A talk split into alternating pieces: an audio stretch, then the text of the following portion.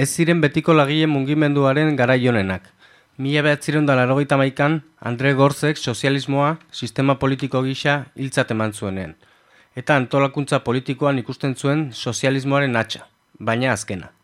Ekonomiaren garapena begiratuta, proletarioak ez baina langile klasea iluna barrera zioala sententziatu zuen. Mila bederatzireun eta irurogeita bat eta mila bederatzireun eta larogeita zortzi artean, industriako langile klaseak euneko berrogeita lau egin zuen behera erresuma batuan. Euneko goita mar Frantzian, euneko emezortzi Alemania mendebaldean. Amabi urteko tartean, mila behatzireun derirogeita maost eta larogeita zei artean, Europako industriako postuen erena ala erdia desagertu zen. Mila bederatzireun derirogeita zortzian, mila zortzireun da larogeita marreko industria lanpostuetara egin zen atzera Frantzian. Horren adierazgarri, mendebaldeko mila behatzireun derirogeita zortziko krisi osoa, teknologikoa, mediazio politikoetakoa, zilegitasunezkoa, eskarietakoa, industriako lanen suntxiketatik sortu ziren zerbitzioetako lanak, aldi batekoak, prekarioak, ofizio gisa inolako baliorik gabekotzak hartuak eta zero baloratuak. Karreratik egiteko gaitasunik gabekoak. Gortzen aburuz lan aldatu da, langileak aldatu dira. Lan indarraren aldaketak langileen identitatea, langileek lantokiarekin, lanarekin, aizialdearekin, bizitzarekin duten harremana aldatu da. Sozialismoa, langile mugimendua, lanaren jende xeeak bizibide ateratzeko zuen bide bakarraren identitatearen gainean eraiki da. Eta sozialismoaren hortzemugaren abandonuak askapena ezinezko egiten du. Ez duelako kapitalismoaren osteko, kapitalismoari alternatiba zion ezer lortzeko gaitasunik antikapitalismo soiak kapitalismoan ongi ez duazen gauzak zuzentzea du helburu soil. Eta helburu hori ezinezkoa da. Historiako tarte laurretan eta oso toki zehatzetan izan ezik. Kapitalismoa delako arazoa.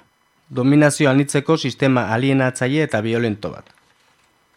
Filosofiaz, bizitzaz, arteaz, gogo eta egiteko eremu aberatsa da grebak sortzen dituen topaleko horiek guztiak.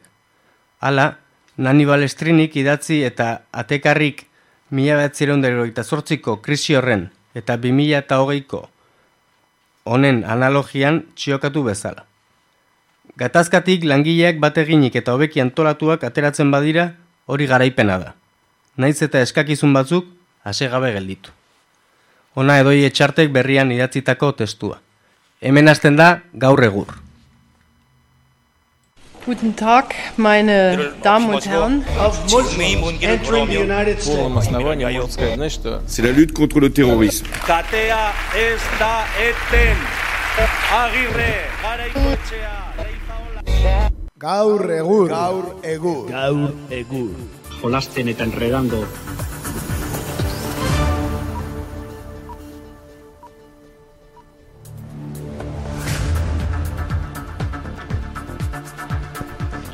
Arratxaldeon entzule, gaurkoan urtarriaren hogeita zazpia da, bimia eta hogei garen urteko irugarren irratxaioa dugu hau. Eta ba hori, gaur ere jolasten eta enredando biltzeko gogoz. E, zer, zer kontatzeko entzulei? Zerrez, egurra partitzeko, eh? aizkora afilatuta eta hoxe. Hori da, ondo zorrozutako aizkorekin, ba, aste buru hona ez da danok, eh? Aste ondo pasadugu, bai ez? Bai, bai. bai. Este buru goxoa. Hori da, oso goxoa, hori da. bueno, bagoazen aurrera, besterik gabe, bertan gaur natalarekin. Bertan gaur.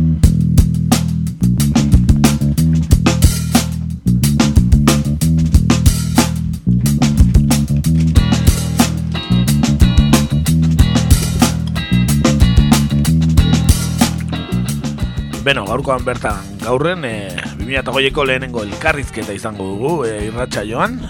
E, izan ere, aspaldiko partez Euskal Herrian, ego Euskal Herrian, greba orokorra izango dugu, datorren ostegunean. Bazan gara, esango dute batzuk. E, deialdia Euskal Herriko eskubide sozialen kartak e, egiten du.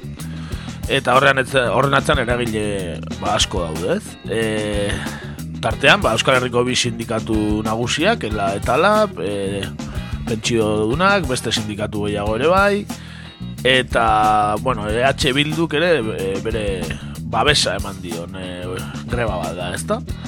E, antolatzaietako bat gaurkoan gurekin daukagu, ez daukagu telefonaren bestaldean, bizik eta gure gana etortzeko alegina egin du, eskertzen dioguna, ongi etorri. Eskerrik asko, ore bat, ore bat hemen izatea. Eta, ba, guazen, e, zuzenean gaira, ez? E, lehenengo galdera behar beharrezkoa edo a, oso argia, ez? Zergatik greba? Bai, bueno, ba, egia esan kontatzen hasi da azten balin baga, 2008-tikan sekulako gainbera eman da, bai bizimaian eta bai langileen eskubidetan, e, ikusi da, ba, bueno, e, lehentasuna eman zaiola zorra ordaintzeari, bankuek sortutako zorri, eta aitzaki bezala krisiori erabili da langileak e, bai legalki eta bai maila sozialean ba, aspiratzeko. Eta iruditzen zaigu, ba, gara hortan, 6 zazpik greba horoko regintzian modu defentsibo baten, hau da ez ditugu nahi e, gobernutikan, Espainiak gobernutik inposatzen dizkiguten erreforma hauek, ez ditugu diru galera hauek onartzen, eta iruditzen zaigu ekonomia edo ala diote bintzat ekonomistek berriro goruntz datorren garai honetan eta bai lakuako, bai karitas eta bai gipuzkoako gobernuko azterketek adirazten duten bezala gorakada hori renta altuenetan bakarrik nabari da. Hau da, e, dirua edo esan genezake prezioa, biziaitzaren prezioa euneko amaika garestitu da eta aldiz langileen soldatak euneko bat eta igarotzen da urteko, ba, jendea pobreagoa da. Eman da, gertakari bat, dala langile pobreak daudela, garai batean ulerte zein jazan zerbait. Eta hori niruditzen zaigu, baitu gula baldintzak, ba, ofentsibara pasatzeko, eta inposatzen diguten horri uko egin baino, e, zor diguten hori eskatzen hasteko garaia badela, eta kalera ateratzekoa. Eta eskakizun nagusiak zehatzmean zeintzu dira? Bueno, e, greba orokorra e, berasak ondo azaldu hon bezala Euskal Herriko Karta Sozialak deitzen du, bertan e, ba, bai pentsionistak, talde feministak, ekologistak, e, bazterketa sozialaren aurkako plataformak eta Euskal Sindikatuen oso dena esan eko nuke, baina bueno, gehiengo handi bat bertan dauzkagu, ela eta laba ipatu dituzu, e, Steilas, SK, Etxalde, N, Iru, eta beste beste batu dira guztira e, berreun eragile dira, eta bueno, hiru ardatz nagusitan banatu dituzte eskakizunak. Lehenengoa da pentsioi dagozkiena, izan ere bi urte zera matzaten pentsionistek kalean, pentsio duin batzuk eskatuz, baina iritsi zan momentu bada, pixkat e, paisaiaren parte bihurtu ziren, ezta? Puestos por el ayuntamiento esaten dana. Ikuste zuten, mobilizazio egiten zituztela, jendea biltzen zutela, baina instituzioen gandik ez zutela inungo erantzunik jasotzen. Eta erabaki zuten, ba, eragile guztiekin, elkartzea, eta horren arira erabaki zen greba bat egitea. Orduan, lehenengo ardatza pentsionistena da, eskatzen dutena da, e, UGT eta komisiones eta garaiko Espainiako gobernuak sinatu zituzten e, jubilatzeko adinaren atzeratzea, hau da, 2008 zazpirako irurogeta zazpi urtetan egongo den hori, ez onartzea, irurogeita bost urtetara mugatzea, naiz eta guri gehiagi iruditzen zaigun, begiratu besterik ez dago Frantzia aldera, non e, irurogeita bian daukaten zergatik eta igotzen saiatu diren bialdi horietan sekulako greba orokorrak egin dituztelako, Frantzia estatuan.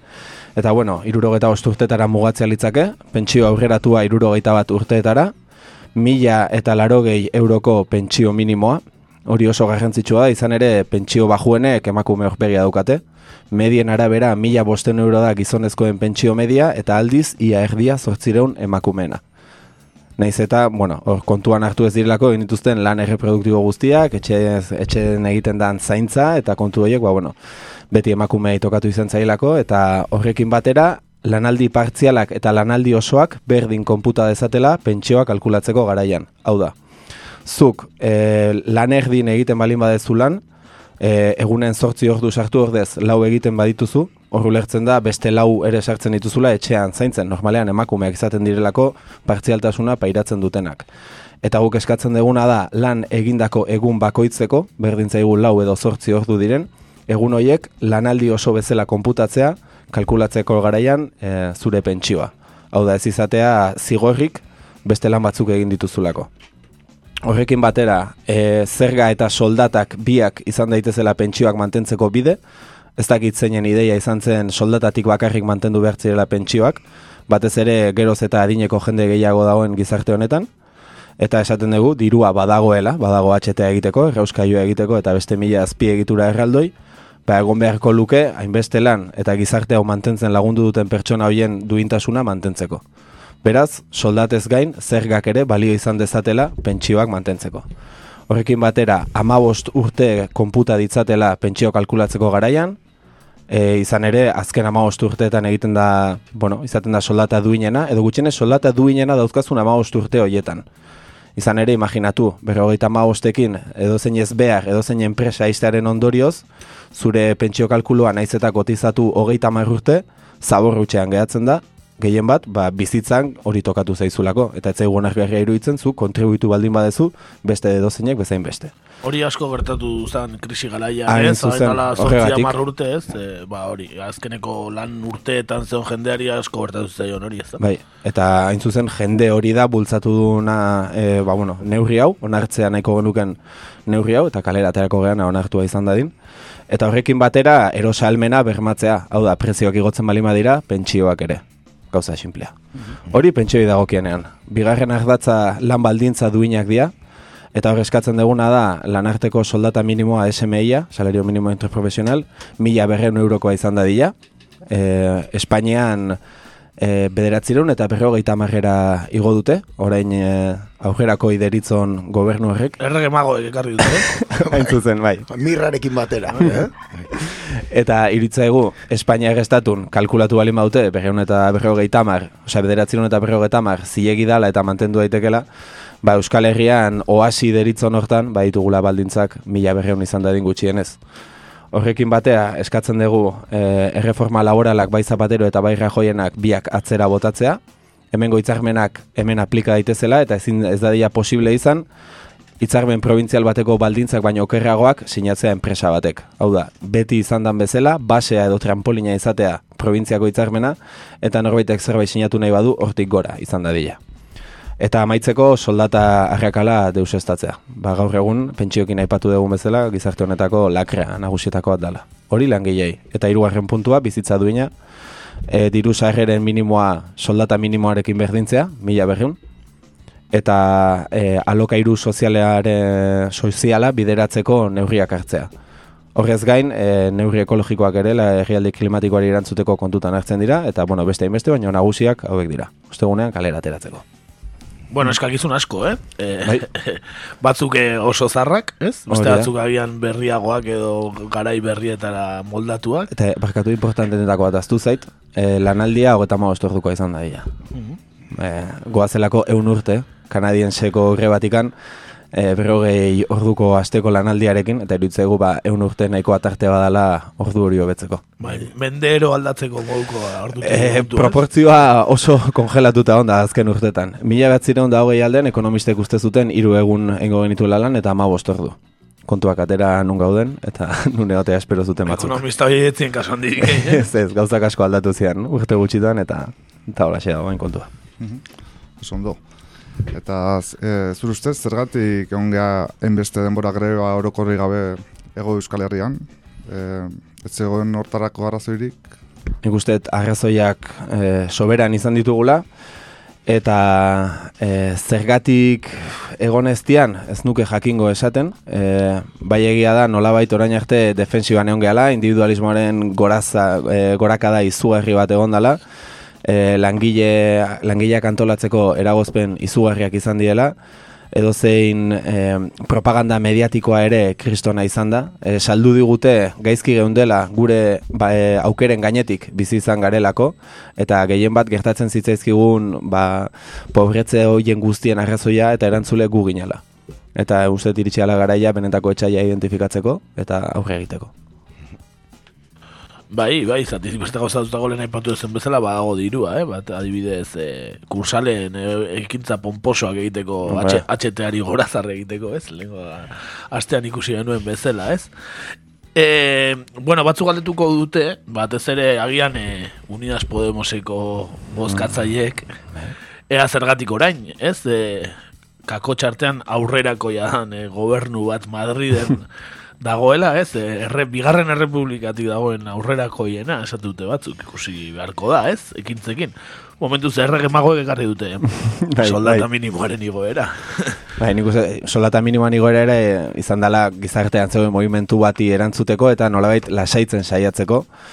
Unidas Podemosen kasun, ba bueno, e, nola, nola da emakume hau, Andaluziarra, e, arek ere babesa eman dio, e, grebari, baina ez zait izena. Teresa. Rodríguez. Aixe, bai, Rodríguez, hori da. Arek ere babesa eman dio, eta bueno, e, mobilizazioak deitu dituzte ere ostegunerako, Espainia errestatuko hainbat hiriburutan, eta baita e, deitu dituzte Andaluzian, Madrilen, Galizian, e, Bartzelonan, Asturiasen, e, beste hainbat herritan, eta bueno, nik uste eskakizunan orokorra dela. Horrekin batera, ba, bueno, nik uste zai egotea, e, gobernu aurre- aurrerakoi bat egote utxagatikan, zerutik eroiko zaizkigula e, desio ditugun eta eskatzen ditugun eskubide horiek PSOE danen alderdia bankuekin zorra handiena daukana, ez PP eta ez beste inor, PSOE da, eta badakigu favoreak zein izor dizkion, eta hau lasaitzeko asmo badanik, eta zergatik orain, ba, anekdota modura, ezagit eh, Franklin Delano Roosevelt ezagutzen dezuen, estatu batuak izan duen presidente duinenetako bat. Bai, eta Hiru- izen bikaineko. Bai, Delano. Delano berbera. Ba, aura gobernura iritsi zanen, e, krisi, hogeta beratzeko krisi handia eta gero, denek esan ospatu egin zuten. Ze ona, tipo betorri da, oain dena konponduko da. Eta juntzien, sindikatuak, movimentu sozialak, beltzak emakumeek, behai, ba hori, esatea izu, e, zordi guztun hori emango aldi guzu, eta beak esan ziren. Ni zuen eskakizunekin guztiz bat nator, baina atera kalera, eta emaidazu aitzakia bat, eman nahi dizuedan hori emateko. Eta nik uste hori dela egin behar dana. Edo zein gobernu aurrerakoik ez du ezer egingo kaleak ez badio eskatzen. bai, kasu limitazio desente ez, egoten dira, e, eta bueno, badiru olako gauzatan memoria nahiko laburra ukitzen Bai. dugula, kasu Greziakoaz, agian inor ez dago gogoratzen Hori da, dagoeneko, Herriaren borondateak zenbateako indarra daukan Europan. Bai. urte gutxi pasatu dira, eta eta Grezian gaur egun Espainian dagoen gobernu aurrerakoiago bat, ez Hori da. existitzen zen bere garaian, ez? Bai, bai, batzuk iarrok izar bihurtu ziren, ez? Adibidez, Varoufakis eh, Varoufakis eta- berbera, eh? Bai. Hoxe da, Janis, Janis da. Lukaniko zaharra aztu da, Bai, eh? bai. Txakur, txakur aparta. Ba, e, bueno, ba, orduan e, eskakizunak egin martzaizkio gobernuari kaletik, Hori da. e, ala ere, aipatu behar da, estatu mailako sindikatu nagusiak ez dutela bat egin, ez? Eh, ofizialki ez. Gero egia da, enpresa askotan, delegatuak eta ordezkariak, langileen ordezkariak dituzten enpresetan, bai UGTek eta neurri handiago batean are komisionesek atxikipena eman diotela grebari eta grebara aterako direla. Azken batean ikusten dutelako eskakizunak egin behar direla eta ez dutelako, edo guk bezala ulertzen dutelako, gobernu aurrerakoi bat egon arren kaleak ez badio eskatzen ez dala ezer lortuko. Bai, e, aipatu nahi nune bai, komunikabide batzuk, a, bat ere Euskal Ente Publikoak, e, asko nabarmendu nahi izan du alde, e, greba politikoa zela, ez? Beti galdetzen politikoa, politikoa, ez dakit zeinek aginduta, e, sartu nahi izan duten ziria hortikan. ez Galdera erretorikotzat hartuko. Bai, bai, hori da, erretorikoa zan galdera. Jakineko nuke zein pertsona, pertsona, izen abitzen egin izan da, eh? baina, bueno, gutxi gorera nungoa, ba, ba, Bai, bai, nik uste denok aurpegi pare bat etortzea ezigula burura, ez ba patronaletik alderdi neoliberalen batetikan, baina e, bai, a ber, e, salatu da, eta gehien bat e, leporatu izan zaie e, mobilizazio prestatu dituzten eragilei, eta batez ere e, bai helari eta bai lab sindikatuei e, pentsionisten mugimendua banatu izana. Kontua da, e, historia ezagutu ezean, logikotzat hartu daitekela, baina kontua da, pentsionistek dituzietela eragile guztieri, baita UGT eta komisionesi, hau da, lan, pentsionistak banatzea salatzen dituzten hoiei, eta denen artean erabaki zala, mobilizazioek egitea gero, UGT eta komisionesek esan zuten ezetz, nagusiki ba, badakigulako ariak nundik moitze dituzten komisiones eta UGT-entzat, bereziki estatu mailan, zen esan bezala Euskal Herrin bai atxikitu dira, eta geratzen zitzaien argumentu bakarra, gerraren, osea, gerraren, oendik gerra ez, greba momentuz. Grebaren aurka egiteko, ba, txisteratik atea behar izan duten hori izan da, pentsionistak banatzea, azkenen beraiek izan dianen pentsionistak banatu dituztela, komisiones UGT eta PNV. PNVek sekulako lana egin du, e, pentsionistak banatzeko, azken baten asko PNV-kok dielako, eta izan da, ba, bueno, indar nagusienetako bat greba honen aurka egin duena. Ez da ausartu ere egin, Maria Txibite batu da e, sindikatu eta pentsionistekin, eta urkullu ausartu ere ez da egin hortara. Baina gutun pomposo bat bihal izien aurreko astean. Bai, bai, e, euskeraz bialdu zioten, elebitan barkatu eta beak erderaz, e, gure inigo maiteak. Ez, eske Euskaraldia garaia etza, no? Ba, hori da. Hori momendikan abendu, abendu azaro alden etorrikoa, eta ordura arte ba, bere euskal zaletasuna kajoian gorratzeu. Bai, bakizu, es, eh, eskola kristauean ikasi zuen erderaz eta hobeto manejatzen da, ez? Bai, baina txistua pikain jotzen du, eh? Bai, mo- jo, jo egin egiten du, bai. ez? Ez txistua bakarrik. Eh?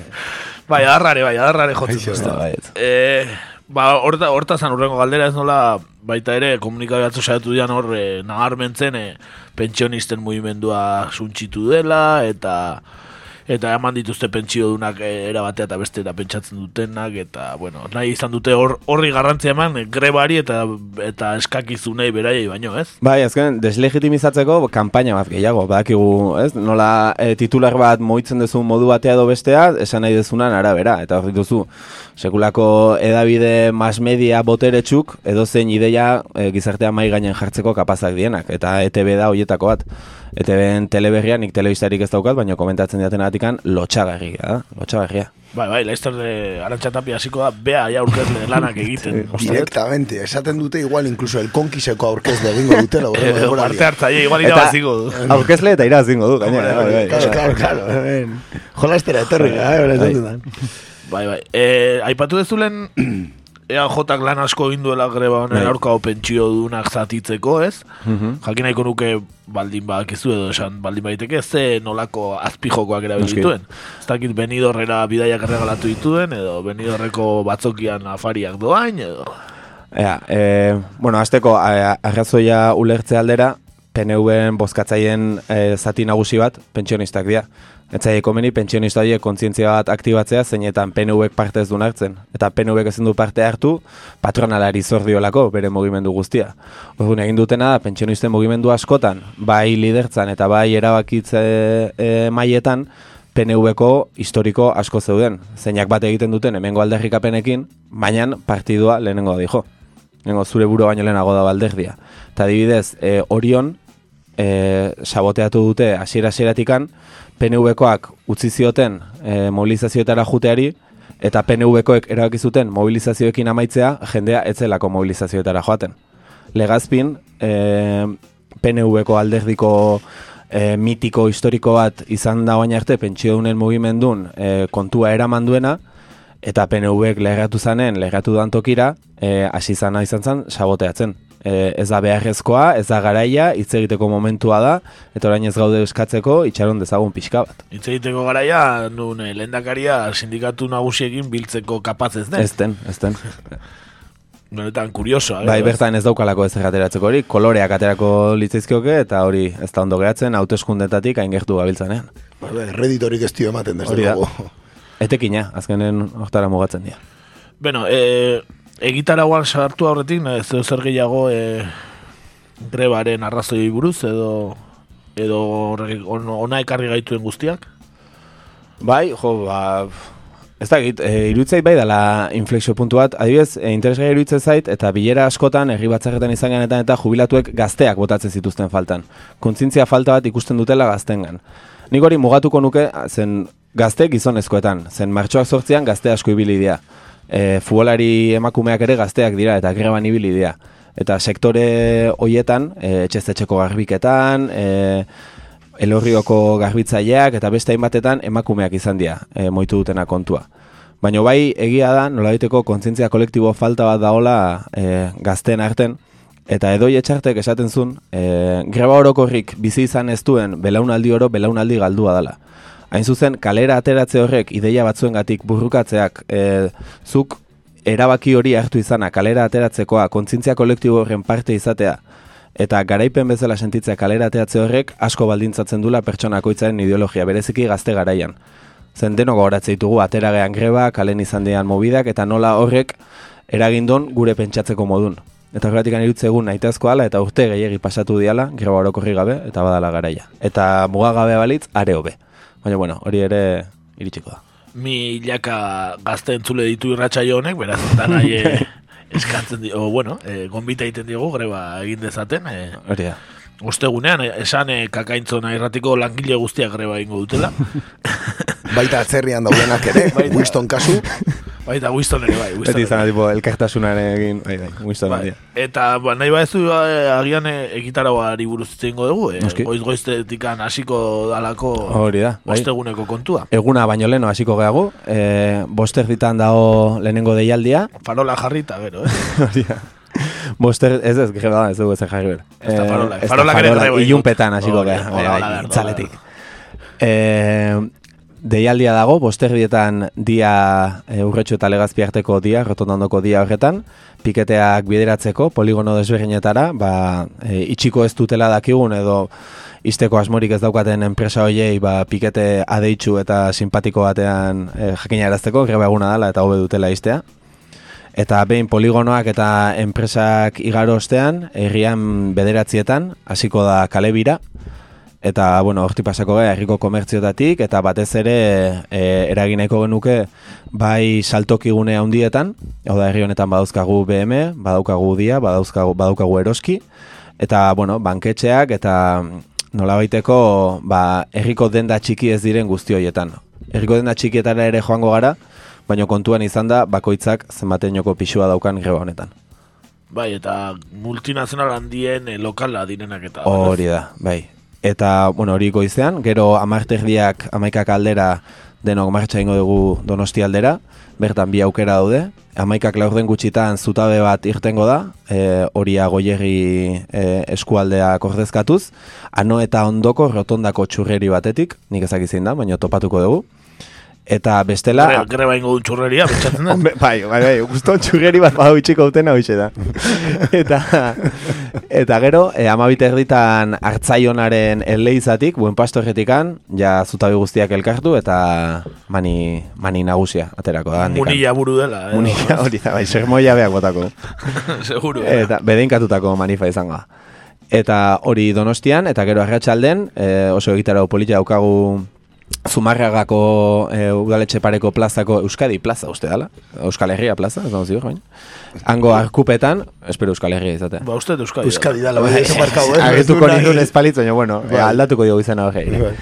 Eta arkupeietan bostetatik hasita kontzertuk egongo dira, bertan joko dute isuetak ezman bikote alaiak, e, plagaro aizpak ere, bueno, alarma morea izena dutenak e, joko dute, eta baita disaster izena duten e, maitane eta bere kaja akustikoa jotzen duen kidea. Hortaz aparte txokolate beroango da, hotza egiteko itxura guztia baitauka, mural batzuk egingo dira eta umentzako margotzeko aukera eta egongo dira. Zaintza pixkat e, kolektibizatzeko. Zen egia da, aztu zaitela hori aipatzea, greba, lan greba da, noski, greba orokorra, baina baita deialdia egiten da kontsumo greba izan dadin, hau da, e, ostegun horretan inorrek ezer erosi ez dezan, eta zaintza greba. Hau da, e, normalean, ba, pertsonatek greba egingo du, baina gero umeak zaintzen geratu behar balin bada etxean, ba, greba horri indarrak entzen zaio, helburua kalera ateratzea dalako. Orduan, saiatuko gea gune bat egiten, bai adineko jendea, e, bai gazteak eta bueno, zaintza gazteak eta aurrak. Eta zaintza behar duen orok, ba bueno, pixka bat e, kolektibizatzagun denon ardura dalako. Hori izango da zazpirak arte, eta ondoren e, potrosetikan, hemen azken orduko aldaketa ate onda egitarauen, e, asko gustatu zaidana. Kontua da, Zumarragako udalak, grebaren inguruko e, mozioa jarri zuen EH Bilduk, e, hogeta bederatzean plenoa egin zedin grebaren inguruan. Kontua da, Serranoren gehiengo absolutuak eraki dula hogeita marra eguna proposagoa dela plenoa egiteko, eta guk manifan ba, pleno alkintze egiteko helburuarekin e, Arizaga Kalebarren potrosen hasiko gea, eta maituko dugu Zumarragako udaletxe paren ikusi dezaten, ba, bueno, herrian borondatea zein dan, herriaren ordezkari omen diren hoiek, ikus dezaten. Eta Serrano hori mikroa kendu abian, ez? Bai, bai, bai, bai. UTB-en ordu bete zitzein godu, seguruna, ostegun honetan ere. Bai, bai, E, esekoa. egitarau bikaina, ez? Bai, Zaintzaren kontua nagarmentzekoa ez, e, aurrera pauso bat, greba orokorretan gauza da. berri bat, ez? izan da, azken Feminismotik etorri bai, azken urtetan, e, mobilizaziotan erreferente izan badia pentsionistak, era beren izan dira movimendu feminista, eta hori izan da bere aportazio nagusietako bat greba orokorrani. Bai, bai, benetan e, aurrera egiteko dago kontua, ez da? Bai, bai, bai. E, aipatzeko anekdota bezala ekarri dugu Bilboko bi diskoteken Bo, kontua. Moma bat, eta bestea, zein da? E, backroom. Backroom. Bai. E, Bueno, pixkate eskirolkeriari buruz egiteko, ez? Ba, adibide, betzat kuriosoa. Bai, bai, eh? Urtarrian hogeita marreko greba orokorra gaina, gainean daukagun hontan. Ba hori, mobilizazio eguna edukiz ustu, eta beroni etekin ateratzeko aukera ikusi duenik ere bada. Bilboko MoMA eta Backroom diskotekek aldarrikapen egunean ikusi dute negozioa egiteko pagotxa eta sare sozialen bidez zabaldutako mezuetan greba bezperan ateak irekiko dituztera iragarri dute. Ostegunean hilako gaitamar, Euskal Herriko Unibertsitateak greba orokorra deitu du. Beraz momak bere ateak irekiko ditu, zioen momaren lehen mezuak. Backroomek aldiz, batez ere Euskal Herriko Unibertsitateko ikasleentzat iragarri du asteazkeneko festa. Backroom Crazy Wednesday UPV. Izen burupean, jarri diote izen hori, eta bereziki EHUko ikaslei egin dietei ondoko mezuarekin. Topera gozatzera, ostegunean ez baita klaserik egongo. Bueno, ba hoxe ez, gure Klaserik ez daukena Klase kontzientzia gutxi, bai, tio. Klase gutxi, eh? Bi diskoteka hoietan, denaen lotxagabekeria ze ekstremotara iritsi Bai, den ikusi bai. behar dugu, eh? Hala ere, eh? Nik uste nahiko arrazoi dela Bilboko piketeak pixka eta aurreratzeko. Da, kontua da, e, turnoaren arabera amarretan hasten dela bezperan, turnoka da arentzat, ez da dain bi ordu bakarrik joan lanera. Eta hauek ez dute hori beteko, ez da, ez da inondik inoa ere. ez, ez, langileek eta... Bueno, agian eh, irikiko dituzte diskotekak eta ez da langile irikio. Eta ez da musikarik eta ez. Seguru, na.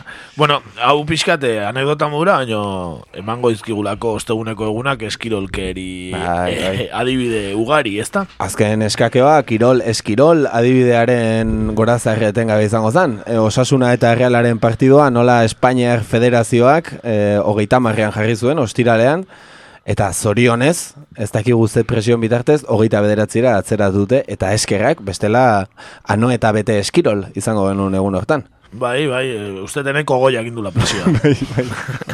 Seguruna. E, bueno, honek eh, ekartzen digu, agian, e, ez dakit, daturik eman daiteken, e, ba, gure eskualdean edo, greba Bai, bai. duen jarraipena, edo, edo badalautugu mintzat, ez, aurre ikusi daiteken... Bai, eh, hau, bueno, hau buruz jungo die kontuk, baina ber, hola, Ba, garrantzitsuenetatik, indar, kaf, ine, GKN, GH, garaje moderno ez dala jende asko, baino izen bikaina daukala enpresak. E, Carrefour hola berria historian lehenengo aldiz itxiko dute, hori aipatzeko moduko iruditzen zait.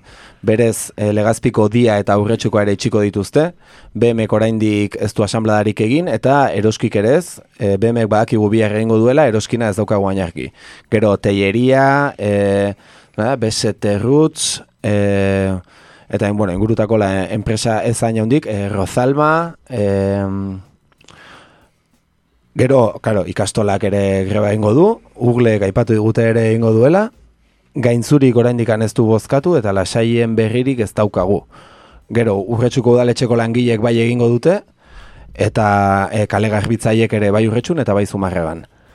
Eta horrez gain, bueno, e, burura etortzen ez zaizkidan beste beste hainbestek ere ere egingo dute. Bueno, aurre ikusten dela jarraipen handia. Hori da, bai, bai, bai. bai. Behar da, greba egiten duten guztiek kalera ateratzea. Hori da. Agertu da dira, zen azken baten guk badakigu itxiko diela, badakigu zer egongo dan, baina gero benetan e, diario basko irakurlearen zat, importa duena donostiko argazki hori da, eta horretik garrantzitsua da ere jendea donostira azaldu da dira, zen asko edo gutxik itxi, giarra donostin erakutsi beharko da, gipuzkoari dagokionean, eta horretik ba, deialdia hemendikan luzatzea, jendea donostira animatu da dira. Mhm. Eta gero herriko mobilizizetan ere bai, Noski baietz, noski baietz. Ba, gure partetikan e, besterik ez, zer geratu baldin bazaizu kontatzeke. Ez egia esan, nahiko la, galdera zuzenak egin dituzue, eta ez da hit, zoze okurrituko zaia, baina, bai, bai. Erantzunak izan dira zuzena galdera. Eta luzek, luzek izan dira. E, ba hori xe, dana konbidatzen ditugu greban parte hartzera, esan bezala kakaintzona irratia greba egingo du, baina kakaintzona irratian grebaren jarraipena entzuna ahal izango da. Espero dugu, e, arazo teknikorik ez bada behintzat. Eta, ba, horixe, e, gonbidatua agurtzeko abestitxoa jarriko dugu, ezta? Eta, ba, bueno, kuba aldera joan gara.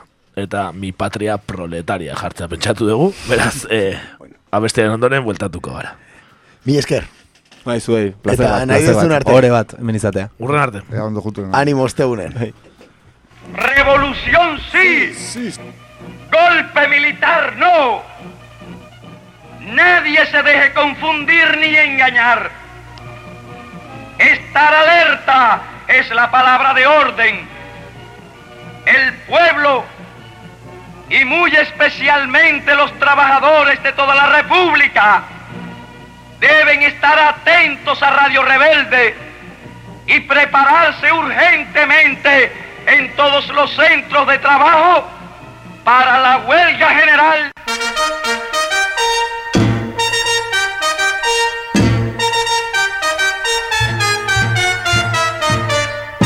El otro día te vi cantando y bailando. El otro día te vi cantando y bailando. ¿Quién eres tú? ¿Quién eres tú? Yo soy el campesino de mi patria.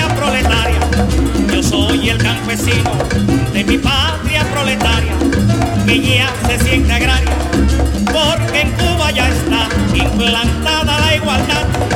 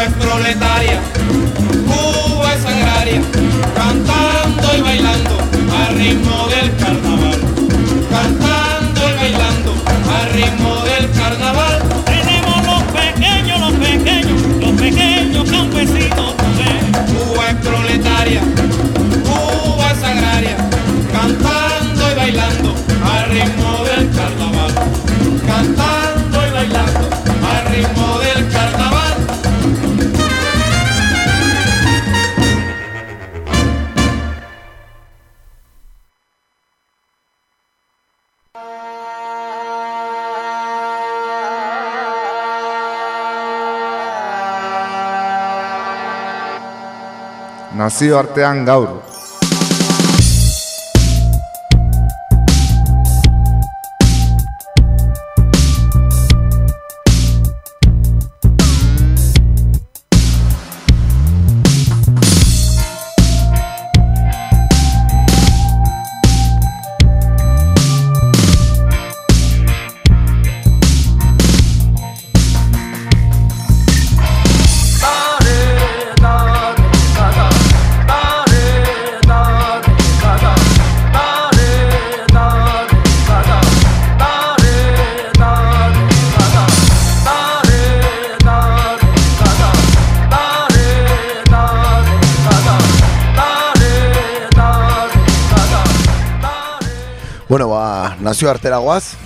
Euskal, Euskal Herriko kontuak abordatu ondoren, eta gaurkoan Alemanian bizi diren kurduei buruz hitz egingo dugu, gure nazioarteko atalean. E, zehazki Turkiako Erdoganen gobernuak, Alemanian bizi diren laureun ekintzaile kurduren aurka zabaldu duen ikerketa dela eta. Honela irakur genezake berria egunkarian.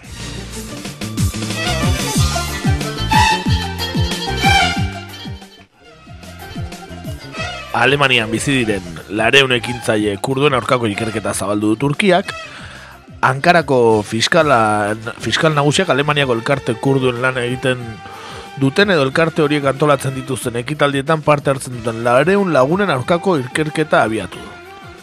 Jada hainbat lagun atxilotu dituzte Alemanian, e, Alemanian biziren kurduen kontrako jazarpena ez da berri ala ere, 2008ko abuztuan zabaldutako txosten baten arabera, e, iaz, sei hilabetetan irurogeita bi lagun atxuritu zituzten, tartean Alemani, Alemaniarrek eta Alemaniar herritartasuna zuten kurduak.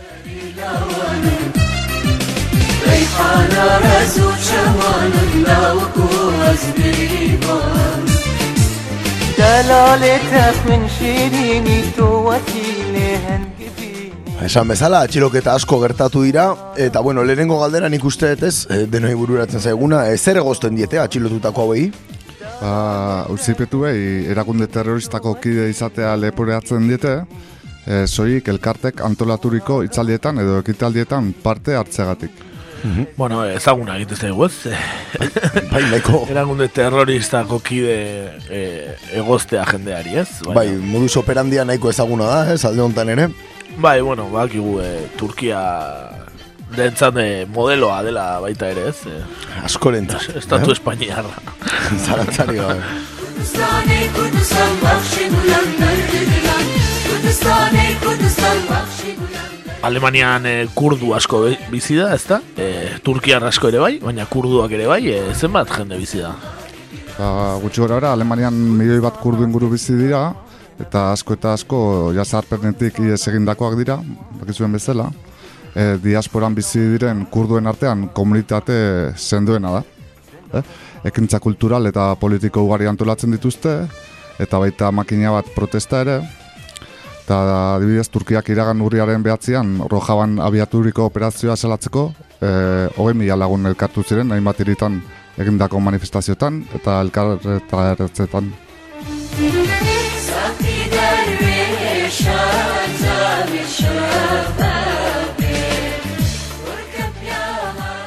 Eta komentatzen zenitune protesta horietan atxilotuak egon ziren edo... Ba bai, ba, protesta horietan, baina hainbat lagun atxilotu zituzten, izan ere kurduen ikurrak e, debekatuta daude Alemanian. Barne Ministerioak 2008an debegatu zituen PKK Kurdistango langile alderdiaren simboloak, eta baita tartean PID, IPG eta IPA, IPJ ikurrak ere, eta ala nola ere, Ab- Abdala Okalan PKKaren sortzailearen irudia ere, ura ere debekatu zuten, eta kont- kontua da, kurduentzat erresist- erresistentziaren ikur nagusia dela buruzagia, non konfederalismo demokratikoaren aita den, eta erruz erabiltzen dutela haren irudia, bakizuen bezala.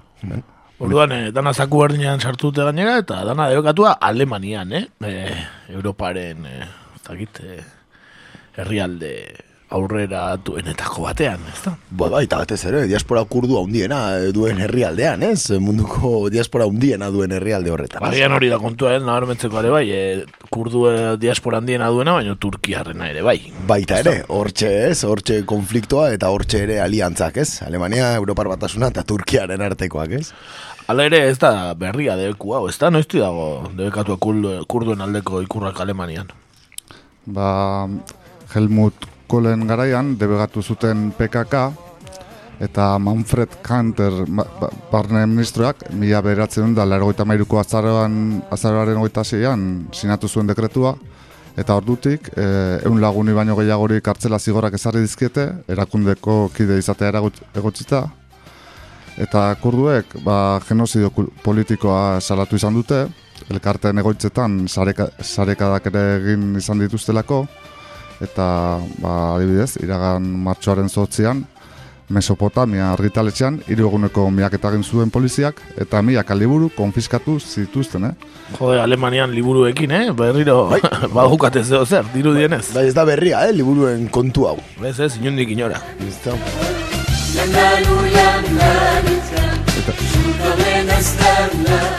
Erre egingo ote zituzten liburu horiek.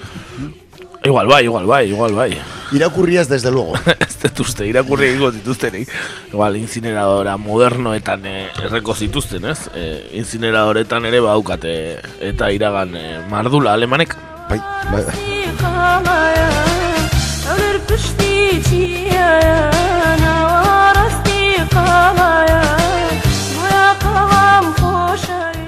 Bueno, eta komentatzen zenituenez, eh, txiloketa eta operazio guzti hauek kontutan hartuta, pentsa dezakegu alemaneko inteligentzia zerbitzuen jasarpena ere, ez? Jasaten dutela, ez? Hiritar kurduek Alemanian, ez da? Bai, ba, ondorengoa, ANF aldizkari eta erakundearen arabera, Alemaniako inteligentzia zerbitzuak e, neonaziak e, astu ditu, edo ja, behaietaz astu da, eta badirudi ba, kurduetan jarri duela horreta guztia, eh? Eta ba, hori, aipatzeko Alemaniako inteligentzia zerbitzuek erakunde kurduak e, kri, kriminalizatzen jarraitzen dute. 2018ko txostena, txosten batek dio, ba, neonazien ordez, ikertuak izaten ari direla kurduak. Ez que neonaziak noiz izan dira, ba, arazo, ez? Hoxe bera, ez? Noiz jarri dute, ez? E, estatua arriskuan edo bake soziala arriskuan, ez? Ba, inoiz ez, e, azken, azken laro urtetan behintzat, inoiz ez, ez da? Jo.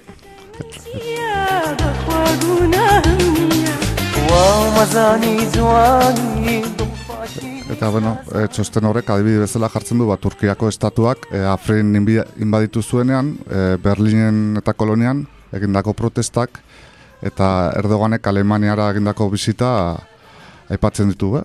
Eta txostenak, ba, txosten horrek zera dio, e, Turkiako armadak, Siriako iparaldearen aurka egindako eraso militarrak eta Turkian egindako garapenak, Turkiako muturreko taldekin eta kurduekin bat egiteko erabilitu ezker muturoak. Eta Alemaniako ezkerrak, Kurdistanen eta Turkian izandako gertakarien inguruan duen kontzentzia kriminalizat- kriminalizitu egiten du bat txosten horrek. Ba, orduan ja, e, ez doa bakarrik ja kurdu, diaspora kurduaren gana, baizik eta ezkerrako jendea ere ikertzen du, ezta? Bai, hori da. Eta ba, elkartasun, ez, ematen du ba, Alemaniatik bertatik ezkerreko erakunden elkartasun zea guzti horiek bai, ba, kriminalizatu nahi dituztela, eh? Bai, eta ez dira gutxi, ez? Elkartasun haundia dago, kurduekiko Alemanian historikoki, baina egia da azken urteetan ere, ez? Ba, mugimendu asko eta elkarte asko batu direla, ez? Batez ere rojabako kontuaren arira, ez?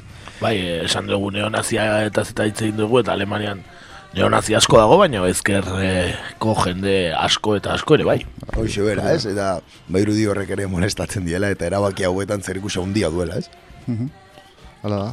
Ba, adibidez ez, e, txosten horrek badu azpiatal bat Kurdistanekiko elkartasuna izenarekin eta ezker mutureko taldeen jarduerak e, atala eh? E, osea, txosten horren barruan dago atal bat e, a- ezker mutureko taldeen jarduerak izenarekin. Hori zen buru oparoa, eh? Hor, eh? Txosten baterako.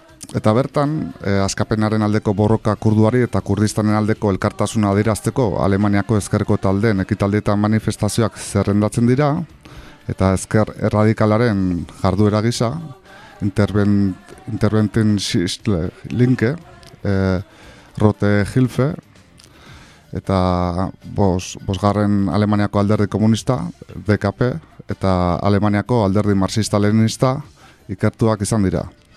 Eh, eta Erdoganek Alemaniara egindako bizitaren aurkako egindako protestaren arira izan dira ikertea guzti horiek. Ezker erradikala, eh? ematen du urkulluk erredaktatu duela Jo, txostena. eh, modan dago, eh? Ezker erradikalaren kontu hori, ez da?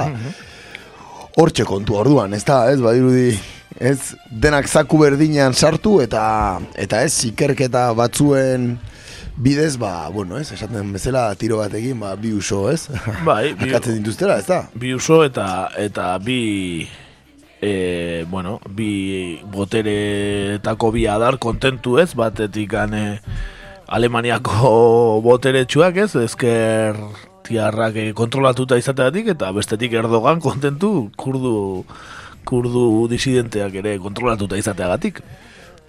Bai, hola, bai, zatik gainea eh, Erdoganek eta Turkiak Alemanian daukan eragina izugarria da. Zatik, eh, bueno, ba, historikoki ere Alemaniak eta Turkiak baia imperioen garaitik ere har- harreman historikoak izan dituzte. Ez? Eta, bueno, gero diasporaren kontuare, Turkia, Turkiarrak dira Alemanian dagoen diaspora handiena.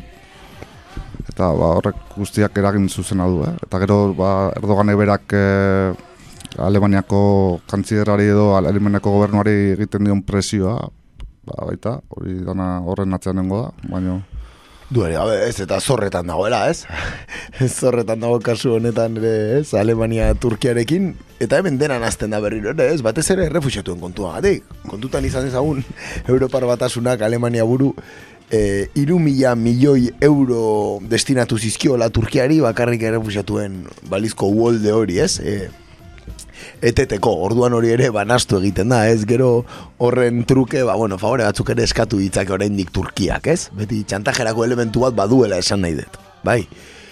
Eta gero, duari gabe, kurduen aferarekin, eh, e, bueno, ba, Alemaniako zerbitzu sekretuek aski ondo dakite Rojabako erresistentzia edo ez PKKren inguruko ez mugimendu guzti horiek ere ba, bere biziko garrantzia daukatela, ez? E, gero terrenoan gertatzen diren gauze horietan ere laguntzeko, ez? Eta esan nahi dut bai elkartasunaren bidez edo ez egon daitezkeen elkartasun keinu horiek ba, garrantzia handia daukatela gero gerraren orduan ere, ez? Oso importantea direla, ez? Ekonomikoki ere, bai, no? O, hoixe bera, ez? Orduan, bueno, badirudi badakitela nun ematen duten ere, ez? Ez diala itxu batek ematen dituen makilkadak ere, ez? Bai, bakiten nondik ito, e, bai, ez? Kurdistango mugimendua. E, aipatu baita ere, e, bueno, e, kurdu asko dagoela Europan, eta eta, bueno, mugitzen direla, eta eta errepresioa jasan ere, bai, ez? Goratu ezagun orain urte batzuk ere nola Parisen e, bi bi aktivista kurdu hil zituzten, ezta? E, argitu gabeko ekintza batean, Bai, de hecho, orain dela gutxi izan da, ez? Urte urrena, ez? E, eriotza hoien, uste gero beste bat gehiago, ez? Hiru izan ziren oso denbora gutxian, eta hor gelditu zen, ez? Frantziak ere zentzu horretan, ba, bueno, beti politika horren segidismo egin du, ez? Kurduen aurka, ez orain bakarrik, eh? Baizik eta Helmut Kohlen garaietatik ere, ez? Frantzia ere estutzen joan zan, ez? Kurduen aurkako errepresio hori. Eta, eta bueno, beti komentatzen duguna, baina beste behin ere esan daitekena, da denak kurduen kontra, ez da kurduak, ez? Denen, denen egurra jasotzen dutela beti, ez? Bai, bai, Beti. beti. Esan, e, bet, beti, beti, e, urtero hitz egiten dugu kurdu eta ez, aurten ez da lehenengo aldea, denbora alde honetan hitz egiten duguna. bai. Baina bai, kurduen di, diasporari buruz edo. Eta bai, egia esan, herri zanpatua alde guztietatik eta bere diaspora ere erabat errepresialiatua. Duare gabe, eta gero anexo moduan, ez, komentatzen zenuena, ez, e, balizko e, esker muturreko talde hoien inguruan, Egia da, Alemanian ere beti existitu dala, ez? Esker muturreko talde hoiek oso motzean, ez? Eukitzeko joera hori, ez? Inteligentzia zerbitzuen partetik, inolaz ere ez dutelako nahi errepikatzea, ba, iraganean gertatutako hainbat kontu ere, ez? Lehen astean ez genuen hitz egin da. iraultza espartakista buruz. Xebera, ez? Hortxe iraultza espartakista, hortxe ere, amarka batzuk ondoren gertatutako, ba, bueno, ez? Eh, armada gorriko frakzioko taldeko, ez? Mugimendu guzti horiek, eta, eta jakitun dira noski, ez? E, kurduekin dagoen elkartasuna zapuzten bali magute, ba, modu batean ere, ez? Talde horiek, ez? Ezker muturreko talde horiek deitzen dituztenak ere, ba, kaltetzen dituztela noski. Bai, ezin da, aztu Alemania dela eh, so- sozialismoaren zehazka, ez? Esan daiteke. Claro, du ere, eh, ez, mugimendu autonomo handia ere egon dala, ez? Mugimendu eh, libertario handia ere existitzen dala, eta, eta bueno, ez, ba, kasu hontan, batzuei emanez bestei ere ematen diezu, ez? Bai, mugimendu ideologiko asko oren e, bueno, jaiolekua edo da, ez, Alemania, esan daiteke. Ba, bueno, ideologia handiko gizartearen eredu, ez da? E, ala ere, batzutan e, ematen du bintzat e, hemengo begiekin ikusita Alemania, bueno, askoz gizarte askeagoa dala, ez, eta ez dagoela hemengo errepresio hori, baina gero konturatzen gera bere zerbitzu sekretua eta bere poliziak, ba, bueno, ba, hemen, hemen bezala edo Frantzian bezala edo gehiago egiten duela, ezta? Ba, ez, historia iuneko zerbitzu sekretuak dira, alemanearak, ez da? Bai, eta gaina, ba, nik uste dut baukatela hemen fama txar bat, e, bigarren mundu gera gara azkeroztik esaten, non esaten den, Alemaniako polizia ez dela bat ere represiboa, oso polizia zintzoa dela, ja, ba, ez dakit, ba, gestaporen garaitik eta pixka batez mananduz bezala, ez? Beti, e, ba, Helmut, Kohlen garaian ez, ba, adibidez, eta RDA zegoen garaian, ba, beti konparaketak eta egiten saiatzen ziren, ba, ez, ba, Alemania federalean, ba, polizia oso, edo, dit, bigun, bigun, biguntzat bezala. Ia, ia hartaintza da bezain biguna. Bai, eta beste aldean estasia ez jenea baitu eta desagertarazten zuena, ez? Hori izan da, ez? Azkenan Bai, errelatoan geldituen, Bai, ez? eta hori e, gaur egun eraino iritsi da, eh? Osea, esan dut, e, Eta espediente oso luzea dakate, ez? Eta lehen komentatuteko ora bueltatuz, ez? Nola, e, ze metodo erabili ziren, ez? E, ez? E, armada gorriko frakzioko talde hoien kontra, bueno, horrek gerra zikina existitu bai, zen. eskutuko esekuzioak, eta bai, bai. Ah, ez, hemen kloakak, ez? Deitzen dien horiek ere, ba, Alemanian existitzen direla, eta eta ez, atzotik, ez? Oso denbora luzez egon direla. Bai, luze jo dezakegu Alemania da zitze egiten. Bai, bai, bai, bai. E, baina, bueno, nik uste nahiko argi geratu dela ez, eta Bueno, beti esaten duguna, ez, elkartasun osoa kurdistango herriari, eta ba, beraien alde lan egiten duten guztia, ez? Duari gabe, bai, beti, beti kurduekin, eta, eta bueno, hor- hortxe ez, beste behin ere, ba, gure irratxaiora kerri dugun gai, ezta. Horria. Abestitxoa jarriko dugu, e, Alemanian bizi den kurdu baten e, rap abesti bat da, Sherildan irurogeta iru da taldea, eta Sherildan fit eguen da, Sherildan da, laro eta bargarra markadan egontzen e, gatazka politiko bat kurdistanen edo, eta horri buruzko rap abestia ekarri dugu, beraz, ba, abestiaren ondoren, voltatuko gara gaurko egunezekin, eta ba hori, bili kurdistan.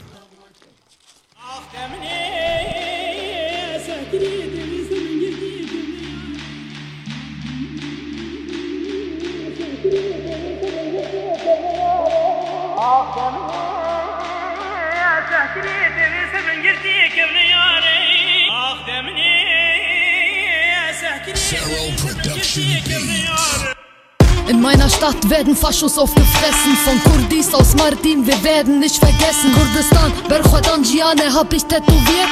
Die Taube küsst den Stern, so wie ich, da ich stehe. 1978, an dem der Kampf begann. Zeit für Intiqam Jebo Azad, ja Kurdistan Leisten Widerstand, stellen Zellen unter Flammen. So wie Maslum Doran, ein ewiger Kampf.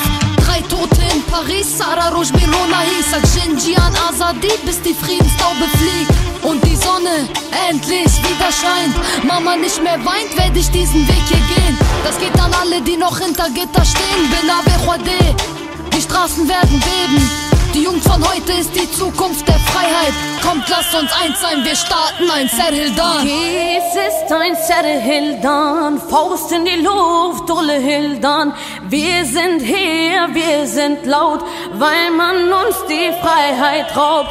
Dies ist ein Serhildan, Faust in die Luft, Intiqam. Siehst du nicht, die Heimat brennt, sei einer, der mit uns kämpft.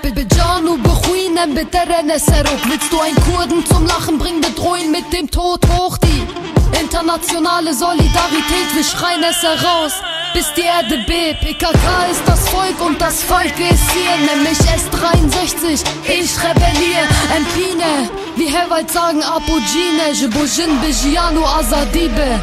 Kurdistan wird das Grab des Faschismus sein. Erdogan, Kutschki, Peace, ich hör dich jetzt schon weinen. Wir sind hier, wir sind laut.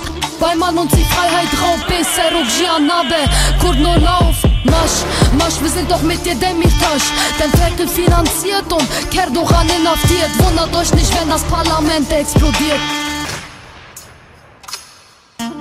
Dies ist ein Serhildan, Faust in die Luft, Ulle Hildan. Wir sind hier, wir sind laut, weil man uns die Freiheit raubt. Dies ist ein Serhildan, Faust in die Luft, in die Tram. Siehst du nicht, die Heimat brennt, sei einer, der mit uns kämpft.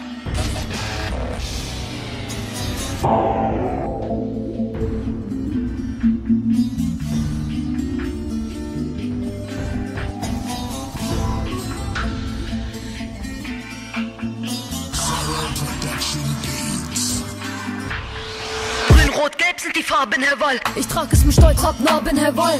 Du die Augen der Kämpfer eiskalt, begeben sich Richtung Elend und Leid. Bringen sie die Berge, wo sie leben und fallen. Rot für das Blut, was geflossen ist.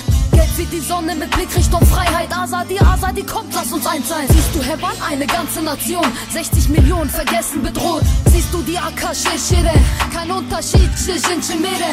Siehst du, Wall, wie er hebt ihn und schießt. Cat Cobra Cat, ein Schuss Richtung Sieg. Guerilla-Tanz, hebt die Fahne. Herbiji, Herbiji. Herbiji, Heval, Herbiji. Ist meine Telefone her biji Mitet zon zeyli her biji Kampfgeist her biji Her biji heval her biji Hismane fane her biji Mitet zon zeyli her biji Kampfgeist her biji هربجي هوال هربجي اسمان فانا هربجي متاتسون زيلة هربجي كامف جايست هربجي هربجي هوال هربجي اسمان فانا هربجي متاتسون زيلة هربجي كامف جايست هربجي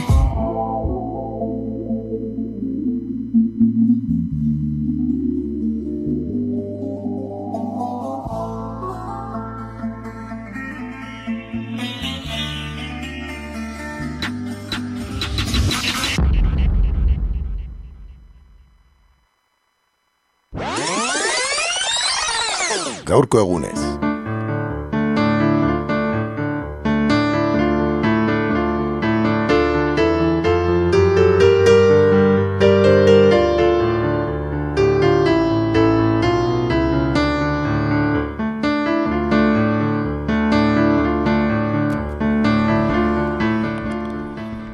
Ba, gaurkoan mundu zabalean ibili zen pertsonai abentura zale bezain ospetsu bati buruz mintzatuko gara. Afrikan, Asian, baina baita ere Amerikan amaika gatazka, krisi eta gerra kubritu zituen kazetaria ekarriko dugu gurera. Zatik pasaden ostegunean bere eriotzaren amairugarren urte izan zela aitzaki hartuz, ba, Richard Kapuscinski izango da gure gaurko protagonista.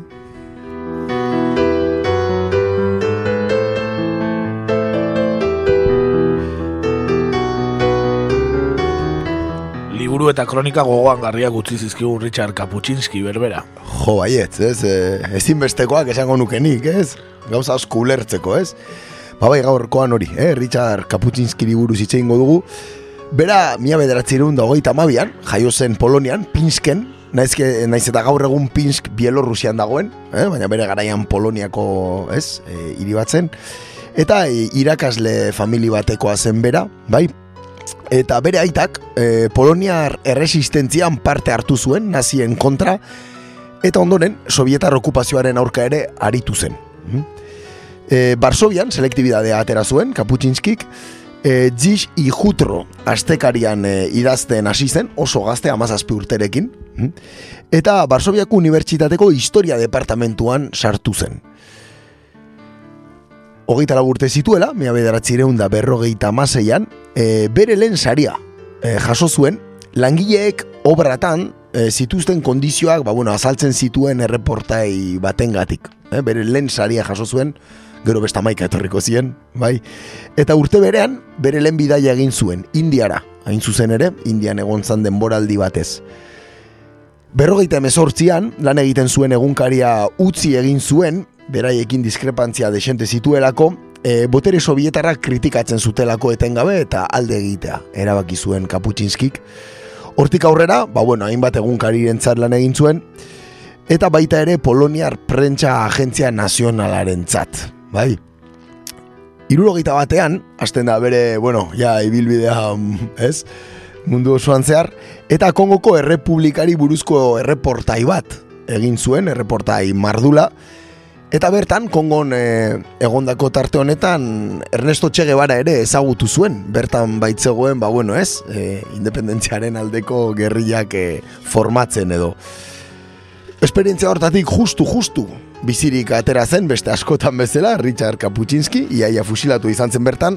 Bai, askotan, askotan kontatzen dituen anekdota gointzat, badirudi, eriotzatik gertu ibilitzen gizona, ben baino gehiotan. Bai, bai, eriotzarekin eta eriotzaren ere, ez bizi izan zena esan daiteke, eh, Kaputxinski handia.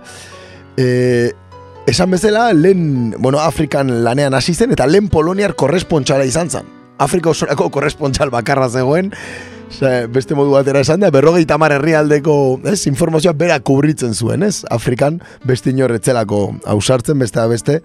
Bai, aipatzen du libururen batean ez nola dauzkan herrialde desberdinetan eh, lagunak eta ez informazioa bialtzen zidotenak eta... Horia ez, kontaktuak non nahi ez, eta gero bera kanalizatzen zuela informazio hori, ba, Poloniako ez, e, prentxan bai, argitaratzeko ez. Afrika ez lago kontinente handi bateko eh, berri emaile izateko ez, e, oain, bueno, jendea gehiago moitzen da bioien eta baina orduan... Eta Afrikan, ba, mogitza etzen ainarresa. Ba, bai, ba, bai, eh, sorte eukizun eta habilidade, habilezi hori ere ez, kontaktuak egiteko, ez da. E, bueno, irurogeita lauan oso atarte txarra pasatu zuen, Kenian. E, garuneko malaria harrapatu zuen, Kaputxinskik, eta bere emaztea, medikua zan bere dan, bere emaztea, ba, bertara, bertara joan zan bera sendatzea, eta biak egon ziren bertan bizitzen urtebete, bai, beraia rekuperatu zen arte, hortik atera zen. E, irurogeita bederatzean, Amerikara saldo egin zuen, eta El Salvador eta Hondurasen arteko ba, eun orduko gerra edo futbolaren gerra bezala ezagutu zen konfliktoa kubritu zuen. Hm? Esan bezala hori e, Erta Amerikan. Eta irurogeita malauan, e, Etiopiako azken enperaorearen erorketa kubritu zuen, bai, Aile Selasieren erorketa ere kubritu egin zuen. Rastafarien, e, Rastafari gurtzen zuten liderra, ezta? Hori da, bai, bertan, hori da, bertan izan zen, bai, Kaputxinski, ba, bueno, ez bere azken momentu politikoak kubritzen edo, bai. Ondoren, bai, hau gutxi balitz, irurogeita ama bostean, Ego Afrikak eh, angolein baditu zuen, bai, eta eh, bertan, ez, ba, berriak eh, kubritzea joan zen lehen eh, kazetari europearra izan zen, Kaputxinski, Esatea gerta erauen ingurun, ez? E, irurogeita magostean gertatutako angolako inbazio horren inguruan, pelikula bikaina, ez? Estrenatu zutela orain dela urteta erdi edo, un dia mas konbida izen burua duena, erderaz? Bai, eta Nafar e, e, Nafar batzuk egin zuten, ez? Eta Donostiako zinemaldian ere saritua izan zen, eta animazio pelikula bada. Hori da, bueno, ez? E, mistoa edo, bueno. Bai, ez, animazioa eta benetako protagonista gero elkarrizketatzen dituena, eta benetan gomendagarria, eh? oso bikaina, bai animazioaren aldetik, baina baita ere Kaputxinskiren historia kontatzen duelako, ez da? Bai, Kaputxinskiren historiakin gidoi e, bikainak egin daitezke argi eta garbi, baina oso oso ondo egindako pelikula da, bai. Bai, bikaina oso gomendagarria, enetan, bai. Bueno, guzti hau gutxi balitz, mila bederatzerun da irurogeita emeretzian, zer egin zuen Kaputxinskik? Ba, bueno, Irango Pavlebisaren erorketa ere kubritu zuen, eta iraultza islamikoaren lehen pausoak ere, ba, bueno, bez, Berta, bertatik bertara bizi izan zituen. Esatea, bueno, ba, Salvador haienderekin ere erlazio oso estua izan zuela, bai, lagunak ziren, eta, bueno, erra harreman oso ona izan zuten bere garaian, eta mila bederatzerun da berrogeita mairutik, larogeita batera, e, Poloniako langile alderdi bateratuko kidea izan zela. Bai, ber- bertako alderdi komunistaren izena zanura, bai.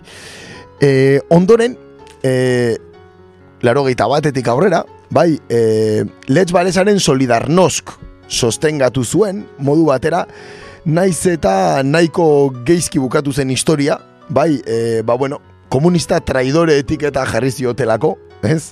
Solidarnoskeko sektore batzuetatik, eta bueno, azkenean denek gorrotatzen zuten, ez? Komunistak Solidarnosk e, sostengatu zuelako, eta Solidarnosk, ba bueno, bere garaian e, sovietar espioitzaren zat, edo, ez? E, botere komunistaren zat espioitza lanak egin omen zituelako. Bai, hori ere goitz izan zaio, ez? E, alde batu o, bueno, medio batzutatik obintza zabaldu zan, ez? E, Sovietarrentzat espio itzalanak egiten zituela, ez? Hori da, bai, askotan, bueno, esan barra dago ere, ez, e, Errusiatik edo bloke sovietikotik, ez, kasetaritzan aritzen ziren gehienak espio zituztela ere, ez, gara gehietan, ez, ia etiketa be, beharrezkoa zen, ez? Galdera gehiagi sovietarrak izateko, ez? Ez, bera, ez? E, esan bezala, bueno, lau alditan egon zan fusilatzeko zorian, bai, beraz, imaginatu, ez, katuak baino bizita gehiago zituen, Kaputxinskik, eta 2000 eta zazpian e, hil zen e, bihotzeko bat jota e, Barsobian, bai, Bere ibilbideari buruz, bueno, komentatu dugun guztiaz aparte ez, bueno, amaikasari jaso zituen, errekonozimendu pilo bat, eta e, Jageloneko Unibertsitateko doktor honoris causa ere, e, izendatu zuten. Dena den, bueno, ba, bere lanak e, Afrikako deskolonizazio prozesuen ba, lekuko zuzen bat dira, ez? Ura ulertzeko kasiri modurik onena diela, pentsatzen den nik. Bai, e, bueno, bere liburu ezagunenetako bat e, Afrika inguruko da, ebano, ez? Hori Eta da. kronika motzak Afrikako herrialde desberdinetan bizitako gauzei buruz. Hori da ez, gerra zibien inguruko edo independentzia prozesuen ingurukoak. Ez da, gero bai, beste hainbat liburu ere atera zitu ez, ez, e, hori, eh, El Emperador, ez, Aile Selasieren ingurukoa, eh? baita El Imperio, eh? hori igual ez da ezaguna, baina eh, sovietar batasunean, ibilbide bat egin zuen, bai, eh, zonalde guztietatik, eta bueno, ba, bertan bizitako ere kontatzen zuen, bai, El Imperio liburu horretan, un dia mas konbida esan bezala, ez, angolari buruz, eta beste bat ere berriagoa, eta, eh, bueno, eko gutxiago eukizuena, eh, El Mundo de Hoy, bai, eh, iraia eta martxoaren amaikako atentatuen inguruko gogo eta plazaratzen zuen, bai, liburu horretan. Eta bueno, bere estiloaren inguruan, ez, norbaitek ez badu irakurri oraindik, ba, hoxe ez, kazetaritza literarioa edo egiten duela esan daiteke, ez? E, bueno, ba, bere estiloa dauka, ez, bizitakoa kontatzeko, eta kronika novela ere bihurtzen du, ez, bere, bere modura, ez? Bai, oso, oso irakur, irakurra erraza da, ez? E, kaputxizki irakurtzea, eta oso interesgarria, ez? Gehienok ezautuko dezuen bezala entzuleen artean, pentsatzen dut. Hoxe bera, ez? E, Ba, irudi, bazo, garai bat bazegola, e, kaputxiski ez bazegoen herrialde hortan ez zintzala ezer gertatu, ez de golpe estatu golperik, ez de inungo iraultzarik, eh? Ba, bai, Danetan zegoen, eh? Saltxa guztitako perregila, eh? Danetan, ez? Irurogei, irurogei tamara marka horretan, bueno, ez? Denetarik kubritu zuen, ez? Eta beste, hainbeste, etxituela kontatuko, ez? Pentsatzen dut, ere. Bai, den, danetzun kontauko pentsatzen dugu. Ez, ez, ez? Beraz, ba, bueno, hortxe, ez? Gaurko gure, gure efemerida, ez? Richard Kaputxinski. Kaputxinski handia eta abestitxoa jarriko dugu. Bai, bai beti, ez? Abesti bat jartzen saiatzen gea. Gaurkoan, endaka jo wini, abueslari angolararen, e, bueno, abesti bat jarriko dugu, pasuka deitzen dana, eta azken aldean hori, ba, nazio artean nospe asko, hartzen ari den e, artista angolatarra da bera, bai? Eta berak musika angolarra baino gehiago, bueno, musika afrikarra egiten duela esaten du, baina, bueno, nahiko ospetsua eginda, eta, bueno, ba, angolatarra izan da ez da erreixa izaten normalean, ez? Nazio artera zabaltzea.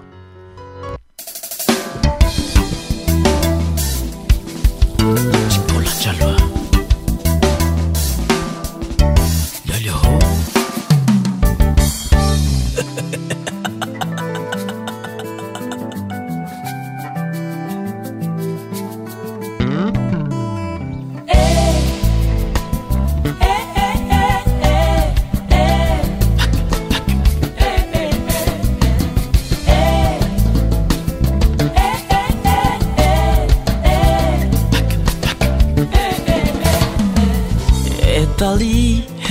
夜里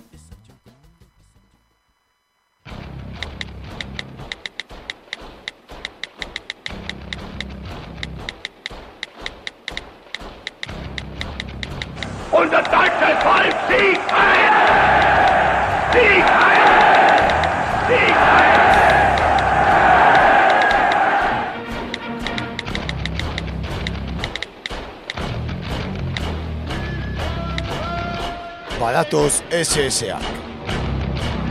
Sare sozialetan egur.